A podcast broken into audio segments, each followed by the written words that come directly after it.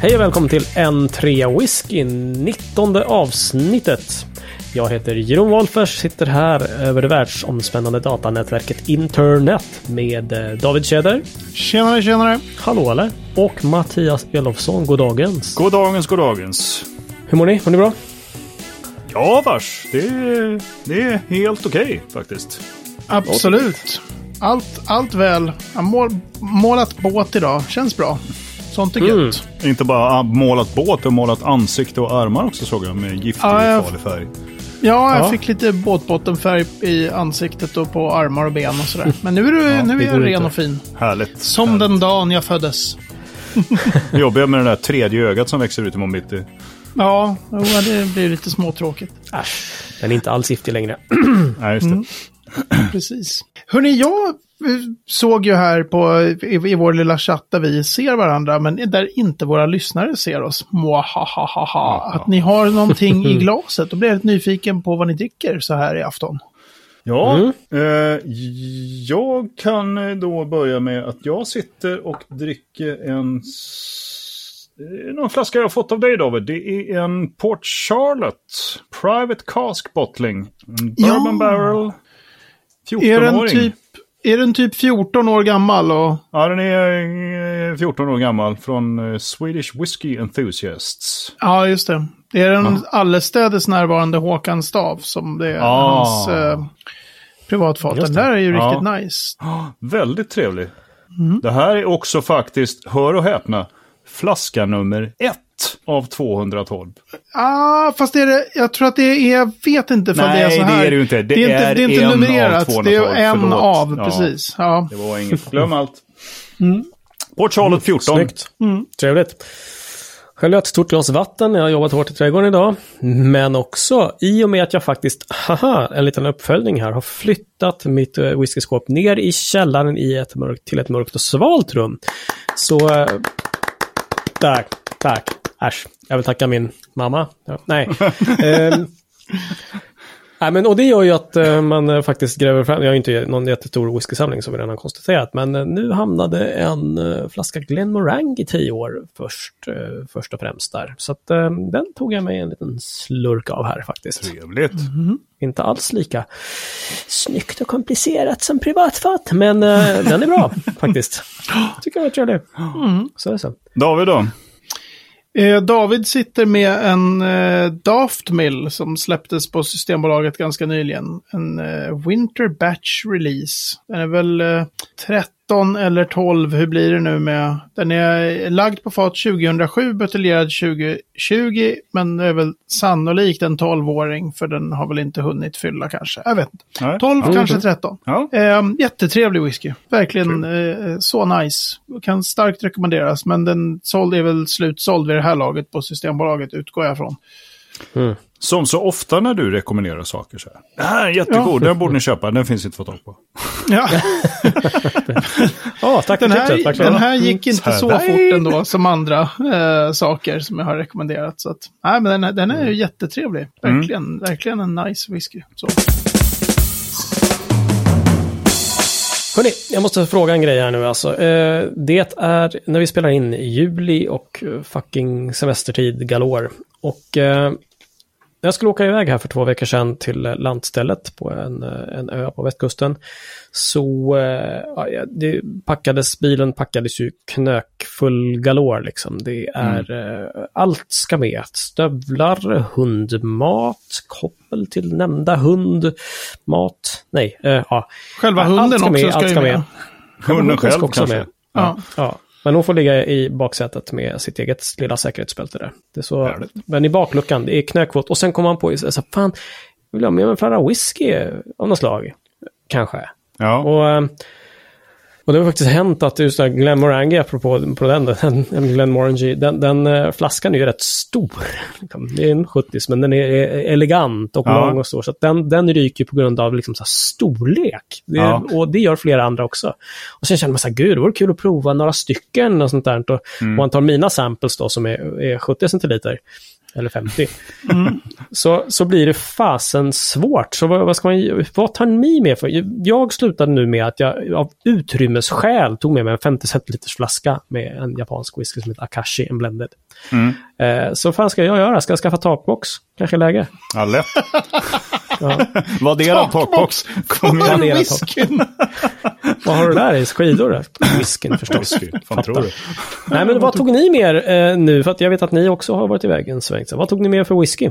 Och hur tänker ni där? Jag kan börja. Jag var en sväng på Gotland. Eh, Vi fick möjlighet att åka dit och hålla eh, långt och distanserat avstånd från folk och fä. Eh, vanligtvis när vi åker dit så brukar jag ha ett gäng samples som eh, jag antingen fått eller köpt av David såklart. Mm. Eh, nu har jag faktiskt inga kvar, alla är urdruckna. Inte jag heller. Ja, precis. Jag, samples är ju perfekt. Ja, det är ju verkligen så här, ja, men jag tar med mig några stycken. Hej! Tjonga ner Ja. dem där så är det en, Roligt. En per kväll. Liksom. Ja, ja. Så. Men, Men eh, då, den här även gången... mina är slut. Ja, vi hade ju lite mer plats i bilen då än vad ni eh, uppenbarligen hade. Så att eh, i eh, själva liksom, eh, maten på båten-kassen så fick också två eh, helflaskor följa med. Men grejen var att det var inte jättemycket kvar i de här två flaskorna. Så det var väl lite grann tanken Mm. att jag tar med de här och sen får de inte följa med hem. De ska dö. De ska dö och de dog. Och då var det, jag hade med två stycken. Det var dels då min eh, kära Bunhavin från eh, Svenska Älvvatten. Och sen var Just det. en Aran. Det nämnde vi till och med i förra avsnittet att jag det. gjorde Mm, BK det. på den. Eh, så att, eh, så att, och det gör ju i sin tur att det finns eh, två fräscha platser i skåpet hemma. Ja, det är ju härligt! Köpte inget taxfree på båten? Nej, just det. Nej. Ja. Mm. Ja, jag okej. Gotland inte. Nej. Ja, nej, men David vet ju hur han ska svara. Det är jättetråkigt. Han kör ju den konstanta attacken mot Samplesberget. Så att... eh, Ja, alltså Eller? Eller? normalt så, så brukar jag nog eh, när jag ska iväg en vecka sådär ha med mig galet mycket mer samples än vad jag kommer prova. För att jag Mm. vill kunna liksom, nej men den här ikväll vill jag prova en sån. Och då vill jag, så jag har alltid med mig jättemycket mer samples än vad som faktiskt går åt. Nu eh, har jag hållit på så mycket med min whiskybok och då har jag liksom känt att jag vill eh, eh, lite mer än prova whisky, bara tillbaks till den där. Men jag häller upp en virre och dricker den, vad trevligt. Mm. Så nu när jag åkte upp till Ångermanland hade jag med mig jättemycket samples ändå. Eh, Provade lite från eh, två av de samplesarna och allt annat blev bara stående. Eh, och sen hade jag med mig den här Daft Mill. Mm. Och så eh, tog jag sådär efter bastun, tog mig en liten Daftmill. Eh, dagen efter, efter bastun, tog mig en liten Daftmill. Och de där samplesarna blev bara stående. Men normalt sett brukar jag försöka så här, beta av lite och skriva smaknoter och så här. Men nu... är det det Ja. som kallas semester? Mm. Eh, ja, precis. Jobba på whiskyboken för fulla muggar och läsa korr och hitta Ja, Och fel. inte skriva det, smaknoter. Det är semester. det är ja, semester. inte skriva Alltså, smaknoter. inte skriva semester. Smaknoter. Ja, härligt. Mm. Ja, bra. Nej, jag får det bättre med mig. Vi ska iväg här eh, om en vecka igen. Här ska planera lite grann. Men får, eh, du- då får du packa whiskyn först. Bra idé. Ja, det är får väldigt absurt. hunden? Nej, jag vet Nej, inte. det- Uh, fick inte plats. Nej. Det är väldigt, väldigt absurt det här att beskriva den fulla bilen och sen komma på whisky. Jag börjar alltid liksom med att stå och välja samples. Det är det första jag gör. Jag ska packa någonstans. Bara, mm, vad har jag för samples? Har inga samples i Ingatorp, alltså stället som jag åker till.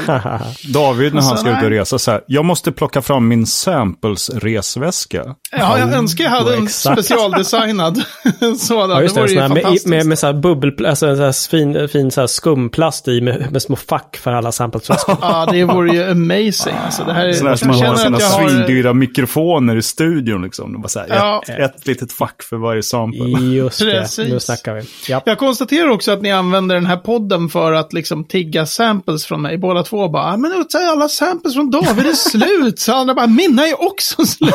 ja, ja, ja. Du har ju så precis. många. ja. ja, jag ska inga ha. Däremot så vill jag veta vad fan du köper för sampleflaskor, gärna av lite större format. Men det kanske vi ska ta ett annat avsnitt, för nu eh, tänkte jag ju prata om något helt annat. Jo, så här är det att eh, vi har ju pratat lite från och till om eh, standardutgåvor från destillerierna versus eh, oberoende buteljeringar, alltså från oberoende buteljerare. Och eh, jag undrar lite grann, ibland så känns det nästan som att de här oberoende buteljerarna, buteljerarna liksom plockar lite russinen ur kakan med sina fat och sina utgåvor och sånt där. Och att de får lite...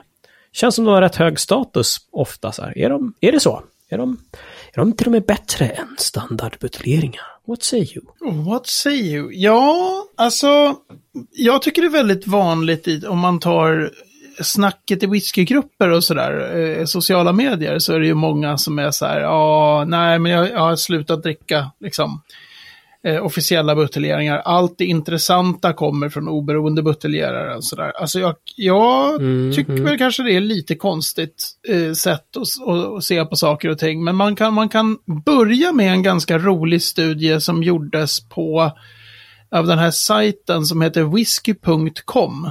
Mm. Som vi faktiskt inte har tagit upp tidigare. Som är en snubbe som heter Horst Lüning. Ein deutsches Gewesen, Gewissenschaft, jawohl. Ehm, Genau. ja, som han driver med sin son Ben. Horst Eh, och de Ben. gjorde en sån här eh, superseriös eh, blind tasting-grej när de, när de lät folk... Eh, de teamade upp med någon online whiskyförsäljare. Och så gjorde de någon sån här blindprovsgrej där de fick fylla i jättemycket olika varianter. Blindprovning på tyska, vad heter det? Ja. Ja, precis. Blindus testing, det vet Mattias. Blindprüfung. Blindprüfung. Ehm, och det var en av de grejerna som de kollade var om folk inte vet liksom, eh, om, det, om de provar en kylfiltrerad eller inte kylfiltrerad whisky. Tycker de att det är bättre med de här som inte har blivit kylfiltrerade? Svaret var nej. Det tycker de inte. Eh, och i samma veva så körde de också, får oberoende buteljeringar högre betyg än officiella buteljeringar? Och svaret var nej, det får de inte. Eh, Okej. Och det är egentligen enda sättet, och, och, och det var ganska stor skala på det där experimentet. Så att det, det så man skulle få, eh, inte bara så här, man provar en oberoende mot en officiell och sen så vet man svaret. Så att åtminstone de som var tillräckligt nördiga för att hålla på och beställa blinda sample packs från i Tyskland då, och de var ju, om jag minns rätt, liksom några hundra personer. Så det blev ju statistiskt Mhm. eh, relevant liksom, resultat. Det var inte så här, vi gav de här till fem nördar och vad tyckte de? Utan det var ju en stor, eh, eh, eh, alltså säkert fler än 200 också. Mm. Men det sägs ofta sådär, ja men de oberoende buteljeringarna är bättre. Ehm, alltså de är ju ofta annorlunda. Det är ofta Ja, inte... det känns väl så, eller hur? Det är svårt att säga just det här bättre, sämre, men det är ju en, en annan take Ja, lite grann på det här. Ett annat fat, oftast kanske då, eller? Ja, alltså det finns ju... Alltså det finns så mycket att säga om det här ämnet så jag måste kolla lite så här. Men man, om man börjar med så här, man tänker sig en vanlig tioåring. Den vanliga, eller 10 eller 12-åring officiell buteljering. Från ett destilleri vilket som helst då kommer ju den vara blandad av ganska många fat. Medan från en oberoende mm. buteljerare så är det ju väldigt ofta eh, bara cask. Eller så är det, om det är en blandning av fat, så är det ju utgåvan mycket, mycket mindre. Mm. Mm. Och det kan ju då spela in, det skulle rent statistiskt tala kanske för de oberoende buteljerarna. För att det är ju ofta, alltså om du blandar eh, 40 fat till en utgåva eller om du blandar 3, Mm. Eh, när du har de där 40, då kanske du har två fat som är så här, jo men de är helt okej, okay, de får följa med. Det kommer blandas ah, okay. ut liksom av Lite de här utfyllnad. andra. Det finns något jättebra fat och det finns något som sticker iväg lite så här, men om vi blandar alla de där så kommer det liksom bli som det blev förra gången. Det, det, det blir samma resultat. Mm. Eh, medan om du är en oberoende buteljerare och ska göra en, en jätteliten batch med bara två fat, då kommer du inte ha det kommer ju vara kvalitet på båda faten, så att säga. Annars skulle du aldrig blanda dem. Du skulle heller kanske med, viss, med visst förbehåll sagt inte buteljera ett dåligt fat. Så det skulle Nej, kanske tala för att, att liksom oberoende buteljerare skulle vara bättre. Men sen är det ju sådana våldsamma liksom, kvalitetsskillnader mellan oberoende buteljerare och mellan olika fat. Så att om man tänker sig en single cask som ges ut av destilleriet Glen Whatnot. Mm. Då har, ju, då har ju liksom Glenn Watnott, de har ju hela sitt lagerhus. Och så har masterblenden nosat för att blanda till den vanliga 12-åringen och sen så har han haft ett fat som var så här, wow! Det här är för bra för Mm. att liksom använda, den här ställer vi åt sidan liksom. Den sparar jag till. Den, det här kör vi som en singelkask om ett år eller något sånt. Eller om tre år, vad vet jag. Eh, medan däremot en, en normal oberoende buteljerare har ju liksom inte alls den mängden fat. Utan eh, det är inte som att liksom man, att de sitter på så här 40 olika fat med 12 år gammal Glenn Watnott. Och så tänker de, vilket fat ska vi buteljera nu då? Nej. Nej, just det. Det är Nej. ju inte heller så. Alla oberoende buteljerare säger ju alltid vi fick gå in och plocka vilket fat vi ville från destilleriet. Vilket ju är helt uppenbart bullshit. Vilket destilleri skulle säga att här, kom och ta våra bästa fat. Liksom. Just det.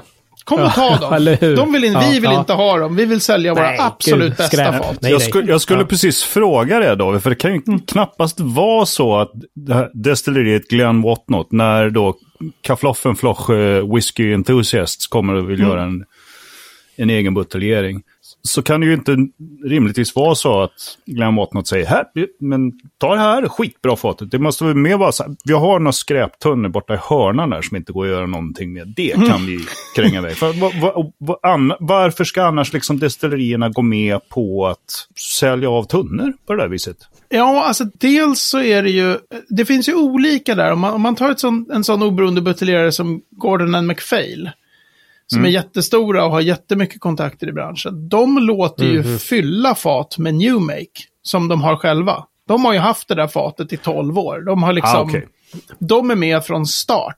Men de lirar i en liten annan liga. de lirar i sin egen liga. Eh, Alla sådana där lite större oberoende buteljerare, alltså en del fyller med New Make. Andra köper då det som heter parcels. Så de köper ett paket med en jävla massa fat. Så det är ju Ja. inte så bland oberoende buteljerare att någon går och säger så här. Vem vill ha ett fat? Jag har ett fat. Det är en 21 år gammal Mortlack. Vi har en auktion, vem vill ha det? Utan det är ju så här, det Eller kommer ett take it or leave it. det kommer liksom ett, ett paket med typ 50 50 fat. Som är så här, det här är de Okej. 50 fat. Vem tar paketet? Ah, Och då är det ju klart att de med mest pengar och mest kontakter kommer ju bli tillfrågade först. Mm. Och, och då kanske man, någon köper de där 50 faten och tycker så här, äh, 40 av dem var skräp, då säljer ju de vidare dem till andra. Så de har ju ofta gått i många varv, de här faten. Och det är Eh. där du och Lars kommer in och köper de faten. Ja, men lite så.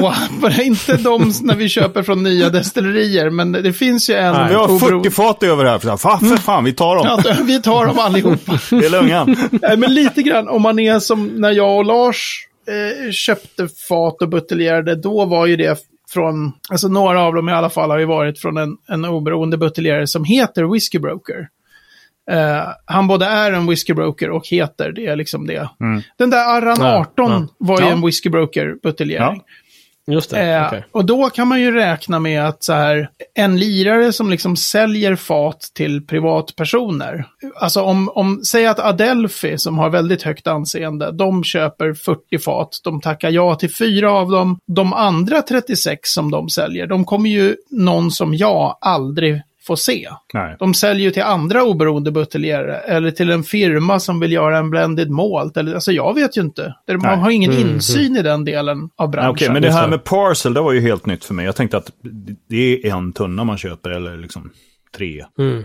Nej, det, normalt sett så är de, befinner de sig i paket. Och sen så kanske man är, om man är en liten oberoende buteljerare, men med väldigt bra kontakter. Då kanske man kan liksom, jag är ute efter ett fat med den här och den här. Och så har man jättebra kontakter och kan få tag på ett. Ja. Men det är ju ingen som liksom kan plocka helt fritt ur några lagerhus. Nej, precis. För att det Right, skulle ju, alltså, right. destillerierna eh, ska ju tjäna pengar. De kan ju inte liksom bara bedriva någon sorts välgörenhet och låta andra buteljera deras fat. Och, Nej, ofta har de ju sålts liksom, och sen lagrats av den oberoende buteljeraren i x antal år.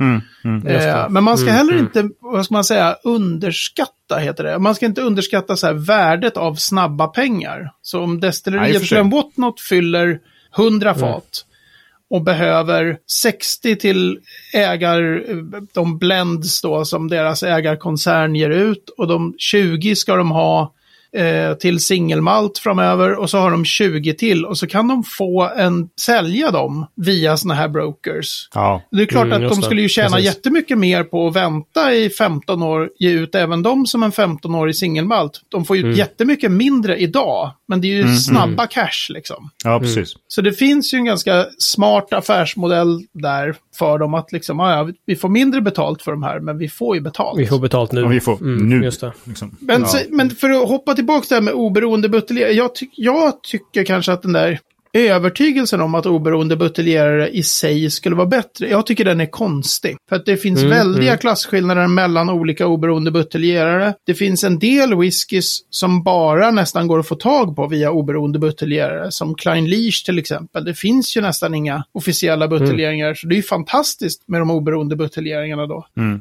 Men det, när folk säger att de generellt skulle vara bättre, då tror jag att det handlar väldigt mycket om att ja, men de oberoende buteljeringarna är ju jätteofta på fatstyrka. Det, då finns Ja. det ju sting, liksom. Och de Mm, officiella det. kanske är nervattnade då till 46 eller 43 eller Mm. 40. Så det är lite äpplen och päron sådär. Och, Ja, just det. väldigt, väldigt, det är väldigt variabel kvalitet på oberoende buteljeringar. Det. Medan en off- officiell buteljering, då, du vet ju hur din Lafroig 10 kommer dofta och smaka. Mm. Ja. Är det ett oberoende fat så kan det ju vara allt från himmelskt till liksom det här. Va- Varför buteljerade de det här fatet? Jo, de Mm. hade ett fat och de kunde kalla det Lafroig. Det kommer sälja i Mm. princip oavsett hur det där doftar och smakar kommer folk köpa det liksom. Ja. Just det, precis. Så både lite heaven and hell, eller ja, vad ska man säga. Inte helt såklart hell brukar det kanske sällan vara, men, men eh, klart intressant. Eh, Självklart någonting att följa, men inte kategoriskt att det är pissmycket bättre per se. Nej, och, och det finns ju... Ja, jag tror jag, jag säger ja bara. Vi säger Stanna där ja helt enkelt. Vi kan Vi stannar prata så där. länge om det här. Vi ska stannar inte veva igång Vi, David, för då kan det Ah. hålla på hur länge som helst. vi stannar där, vi laddar om och vi återkommer till den här frågan. Vad tror ni om det? Mm. Mycket bra. Och David ser ut som Bambi i strålkastarljusen. Vad är det som ska komma nu? Jo, det är veckans ord! Jajamän! Och vad är ordet? Det är det vi eh, alla undrar. Mattias, har du... Eh... Ja, jag vet ju, men David vet ju tydligen inte. Så att eh, jag ska enlighten him. Eh, dagens, veckans ord är mättad. Jag har precis ätit en pizza, jag är grymt mätt. Var det, Ja, är det mm. svar på frågan? Ja, jag är också rätt mättad faktiskt. Mättad. Ja, det, man kan ju börja med vad det heter på engelska när, när det står eh, casks seasoned with. Som var kryddade med. Seasoned. Okej. Ja, smaksatt eller kryddat alltså, Ja, istället. precis. Okej, jaha. Ja, vadå, översätts det med mättad alltså? Ja, det, det är den svenska motsvarande termen. Alltså, du har tagit Ja, det ett- var ju nästan samma sak. Mm. Ja, men det, det, det, Det finns två, logik. det finns två aspekter av det här mättad. Det ena är att de helt va- med, man tar ett helt vanligt sherryfat idag. Mm. I den eh, liksom skotska eller i vilken whiskyindustri som helst. Om någon lägger whisky på ett sherryfat, då är ju det inte fat som kommer från den normala sherryproduktionen i Spanien. Utan de där faten görs specifikt för att användas för whisky. Så, Mm, okej. Mm. och de, liksom, de, de vet redan från början att den, det här ska bli ett sherryfat för whiskyindustrin. Men vadå, sherryindustrin gör alltså, vi gör sherry som vi bara häller ut sen för att få schyssta fat till whiskyindustrin. Ja, man häller inte ut det. Man, för det mesta gör man en vinäger av den där sherryn. Ah. Och- Sen finns det väl även sherry som görs i så Solera-system, va? Ja, alltså normal sherry man- gör, lagras i Solera-system. Men de faten i ett Solera-system, de används inte av den skotska whiskyindustrin. Nej, så jag det är tänker inte att vad man nu menar med... som man har använt i ett sånt fat kan man hälla i en Solera-tank eller? Ja, men det är, för det mesta så är det liksom, det är en separat business för är det. sherryproducenterna. De tjänar stora pengar på den här Mm, typen av... Så att de, och, och för det mesta så är ju kanske inte sherry eh, karaktären sån att den riktigt håller för att slänga över i eh, Solera-systemet. Utan man liksom, och då heter det att mätta. Man har, vi mättar våra fat med sherry i... Mm. Ja, nu har det kommit nya regler för hur, hur länge de måste mättas för att sen få användas. Och då tror jag att det var ett år. Så att det är ganska ordentligt. Det har varit, Mhm, från tidigare okej. har det varit lite kortare tider som folk har mättat sina fat med sherry. Då. Då kan man ju säga att Right. den här översättningen blev ju lite mer logisk. Ja, precis. Seasoned with Faktiskt. sherry, Ja. mättad med sherry. Man mättar Ja, så ett träet har liksom mättats. Ja, precis. Ja. Just det. Eh, men sen kan man ju också göra alltså aktivt, om, det, om man säger att man har ett bourbonfat och så har man använt det för whisky eh, två gånger och sen så bestämmer man sig för att göra något ball med det här fatet. Då kan man ju fylla den där, Mackmyra har ju gjort jät- jättemånga sådana roliga. De fyllde Mm, ju fat med eh, en blandning av, var det vodka och kaffebönor eller vad det nu var för sprit. Men de hade ju ner kaffebönor i fatet liksom. Och sen hällde de Okej, ut den där spriten. För den skulle, var inte meningen att den skulle göras något med i sig. Då har de ju mättat fatet med den här crazy blandningen. Sen häller de över, eh, tror jag, jag tror inte att det var new make utan att det var som en slutlagring. Okej. Som häller i whisky i de här faten. Som då är mättade med ja, sprit och kaffebönor. Och då blev det ju kaffesmak på whiskyn. Förstås. För det kommer Ja. ju ha, fa- liksom, Ja, finnas kvar i eken och dras ut. De har även Färdig gjort... Marinad alltså. Ja, Ja, precis. eller kaffe och avec ett. Ja, hej. Så, ja, så alla sådana typer av så här, när du har ett fat och så att säga gör någonting annat med det, då mättar ju fatet. Mer. Ingen skulle ju säga så här, och nu fyller vi det här fatet för andra gången med en new make för whisky. Vi mättar fatet med whisky. Utan det är liksom vad som helst annat som du gör med ett fat för att ge den en, en twist inför framtiden. Då använder man också Right. det här. Vi, vi mättade fat med, Mackmyra har varit jätteroliga. De har använt grönt te och eh, hjortronvin och de har ju haft massor olika. Amrut har ju också gjort en del sådana där. De blandade, de fyllde väl fat med en blandning av sherry och apelsinskal. Ja, just det. Eh, Och hällde ut och så fyllde de på med, med sån här bourbonlagrad Amrut och så har de släppt den som naranji, apelsin. Just Då det. väntar jag bara på när Killinggänget ska ge ut sin uh, Hashibashi-mättade whisky. Ja, Kommer du ihåg den? Vodka Hashibashi. Vad är det för något? Ja, det är ju vodka Decivon. ja, jag trodde det var den med Tippex. Nej, nej, nej. Finlandia och Decivon är det. Finlandia, ah. Nej, men ofta när man hör om det här med mättad, jag får en känsla av att man har gjort något lustigt, något lite, kanske lite skruvat med något fat. Men det används också om just den här, vi, vi använder fat som har mättats med sherry, fast det är ju exakt samma sak som ett sherryfat. För det är ju så Ja. de görs liksom. Ja, ja visst. Ja, Eh, absolut. Det var mättad. Då är vi, eh, Mattias och jag, mättade med lite information kan man säga. Jag kan, ju, Ah. jag kan ju tipsa om man, om man är en sån som hänger på Facebook och gillar att vara med i roliga whiskygrupper. Det finns en grupp som heter Här är mitt whiskyfat. Istället för Här är mitt whiskyskåp. Ah. Med folk som gör väldigt roliga eh, hemexperiment. De köper Glenfarclas 105 kanske. Och så häller de det i ett eget fat.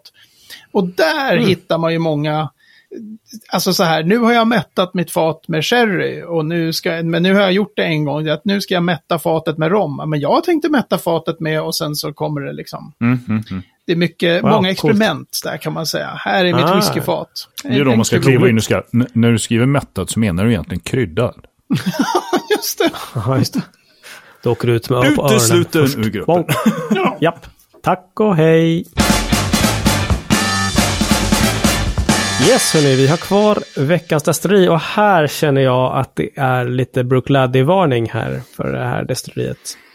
Eh, det handlar om uttal och hur fasen uttalar man det här. Så jag tänker inte ens försöka, utan eh, Mattias, du får eh, presentera. tack för den, bajsmackan. Du, eh. David, du ska få tre minuter och prata om det som jag tror uttalas Glenn Gariock. Klassisk, Det var ehm, rätt. Nej. klassisk sån eh, eh, utmaning för att uttala det här destilleriet. Det stavas Glengarioch med CH på slutet. Det uttalas, håll i er nu, Glengeary. Såklart. Eh, fullt rimligt, eller hur? Ja, det är i alla fall inte orimligt. Nej. Eh, Glengarioch är ett destilleri som grundades... Glengarry. Ja men herregud, nu bara för att jag har sagt Och nu har det redan gått en halv minut. Jag pausar. Herregud, nej nej nej. Kör på. Eh, Glengarry, Glengarry, Glengarry. Är ett sånt där gammalt destilleri, grundades någon gång precis före 1800. Det är ju ganska ovanligt med eh, någonting med 1790-tal sådär. Eh, och det är någonting så ovanligt som ett destilleri som inte har jättestor synlighet som singelmalt och som är riktigt, riktigt bra. Jag kan verkligen rekommendera Glengarry, Glengarry, Glengarry. Måste säga det tre gånger nu. Måste man säga det tror jag? Ja, Okej. precis. Och de, de har haft en del sådana här produktionsstopp i modern tid eh, och har bytt ägare ganska många gånger. Jag vet inte riktigt när nu, men jag tror att det var så sent som på 90-talet som de slutade göra eh, lättrökig whisky och började göra 100% orökig. Och det är en av mina så här, jag har aldrig smakat några av de här äldre buteljeringarna med Glengarry som är rökiga. Den sägs vara så här sinnessjukt bra. Men jag har bara Mm. provat modern Glengarry då som är helt orökig. Och jag tror... Har du någon eh, favorit? Eh, ja, alltså om den är nu 15 år. eh, folk i whiskygruppen nu pratar ju bara om hur de ska åka till Bordershop eller har varit ner till Bordershop när gränserna har öppnats igen ner mot Tyskland. Just det. Eh, Mm. Och där finns det någon ganska billig 15-årig sherrylagring som jag har för mig inte finns på Systembolaget. Jag tror att den Okej. heter bara 15 year old. Um, den är svingod. Den är hur bra som helst. Vi har haft den i, i den här svenska whiskyakademin blint någon gång. Alla var helt lyriska liksom. Kostar det här under tusen Ja. så ska jag ha en flaska. Så var det så här, ja, den kostar under vad det nu kan vara. Men under 700 alla gånger där på prom. Mm, Okej. Ehm, Nice. Jag tror att de golvmältade själva faktiskt också den där rökiga whiskyn. Alltså den rökiga spriten som blev rökig whisky sen. mm, Ehm, Vem äger Glengarry? Kan det vara Suntory kanske? Eller Beam Suntory numera? Men de har, det är sånt där, de har bytt ägare väldigt många gånger. En ganska kraftig stil. Alltså det, är- det är ganska brötig, det är inte rent och, och, och vackert liksom. Eh, det är en ganska, ganska vackert. brötig, eh, orökig stil och ja, men väldigt, väldigt, väldigt högkvalitativ whisky. Buteljeras för övrigt på den originella alkoholstyrkan 48 procent. Ah. Så lite över de här. Ja, aha. Oh, tre minuter! Och där har vi tre minuter. Kanon. Som vanligt blir man ju sugen. Liksom. Jag Ja. vet att jag har haft någon för länge sedan som, ja, som du säger, min, Ja. den var väldigt, väldigt bra. Det var riktigt god. Nu när, nu när vi pratar om det så tror jag så här, jag tror att jag knappt har sett några oberoende buteljeringar från Glengarry. Men jag tror att det är Ja. ett ganska litet destilleri. Det är ju baksidan med det här, att, att, att få det lite från höften så att man... Det är inte så att jag sitter och forskar om destillerierna innan här, när ni säger vad det Nämnde, du, nämnde du någonstans eh, vilken eh, region det tillhör? Eh, Glen, nej, Glengarry ligger i Highlands. Eh, det ligger i den del av Highlands som är liksom öster om Speyside, om jag inte är helt ute och cyklar. Mm. Eh, Okej. Så. Vi kan bjucka på en kartlänk faktiskt. Mm. Det är ju trevligt i show notes där. Yes. Nice guys. Det här var en trevlig kväll. Det finns ju massor att prata vidare om. Men jag tänkte att vi ska eh, vara schyssta mot eh, alla och hålla oss lite korta här. Ska och stänga butiken för ikväll. Ja. Som vanligt tänkte jag säga kan du surfa iväg till n3whisky.se i detta fall n3whisky.se 19 så får du läsa mer om det vi har pratat om. Vi duckar på lite schyssta länkar och kanske en liten kartnål till eh, vår fasen Glenn Gary. Eh, Gary? Gary? Gary och Glengarry? ligger någonstans. Giri, giri, giri, giri. Giri, giri, giri. Ah. Eh, yes, även på facebook.com whisky kan du höra av dig till oss. Skicka gärna lite glada tillrop, frågor och funderingar så eh, kanske du får eh, höra oss älta dem här i podden. Stort tack för ikväll, eftersom det är kväll när vi spelar in det här. Adjö Mattias, adjö David. Hej hej! Adjö, Jeroen. hej, hej, hej.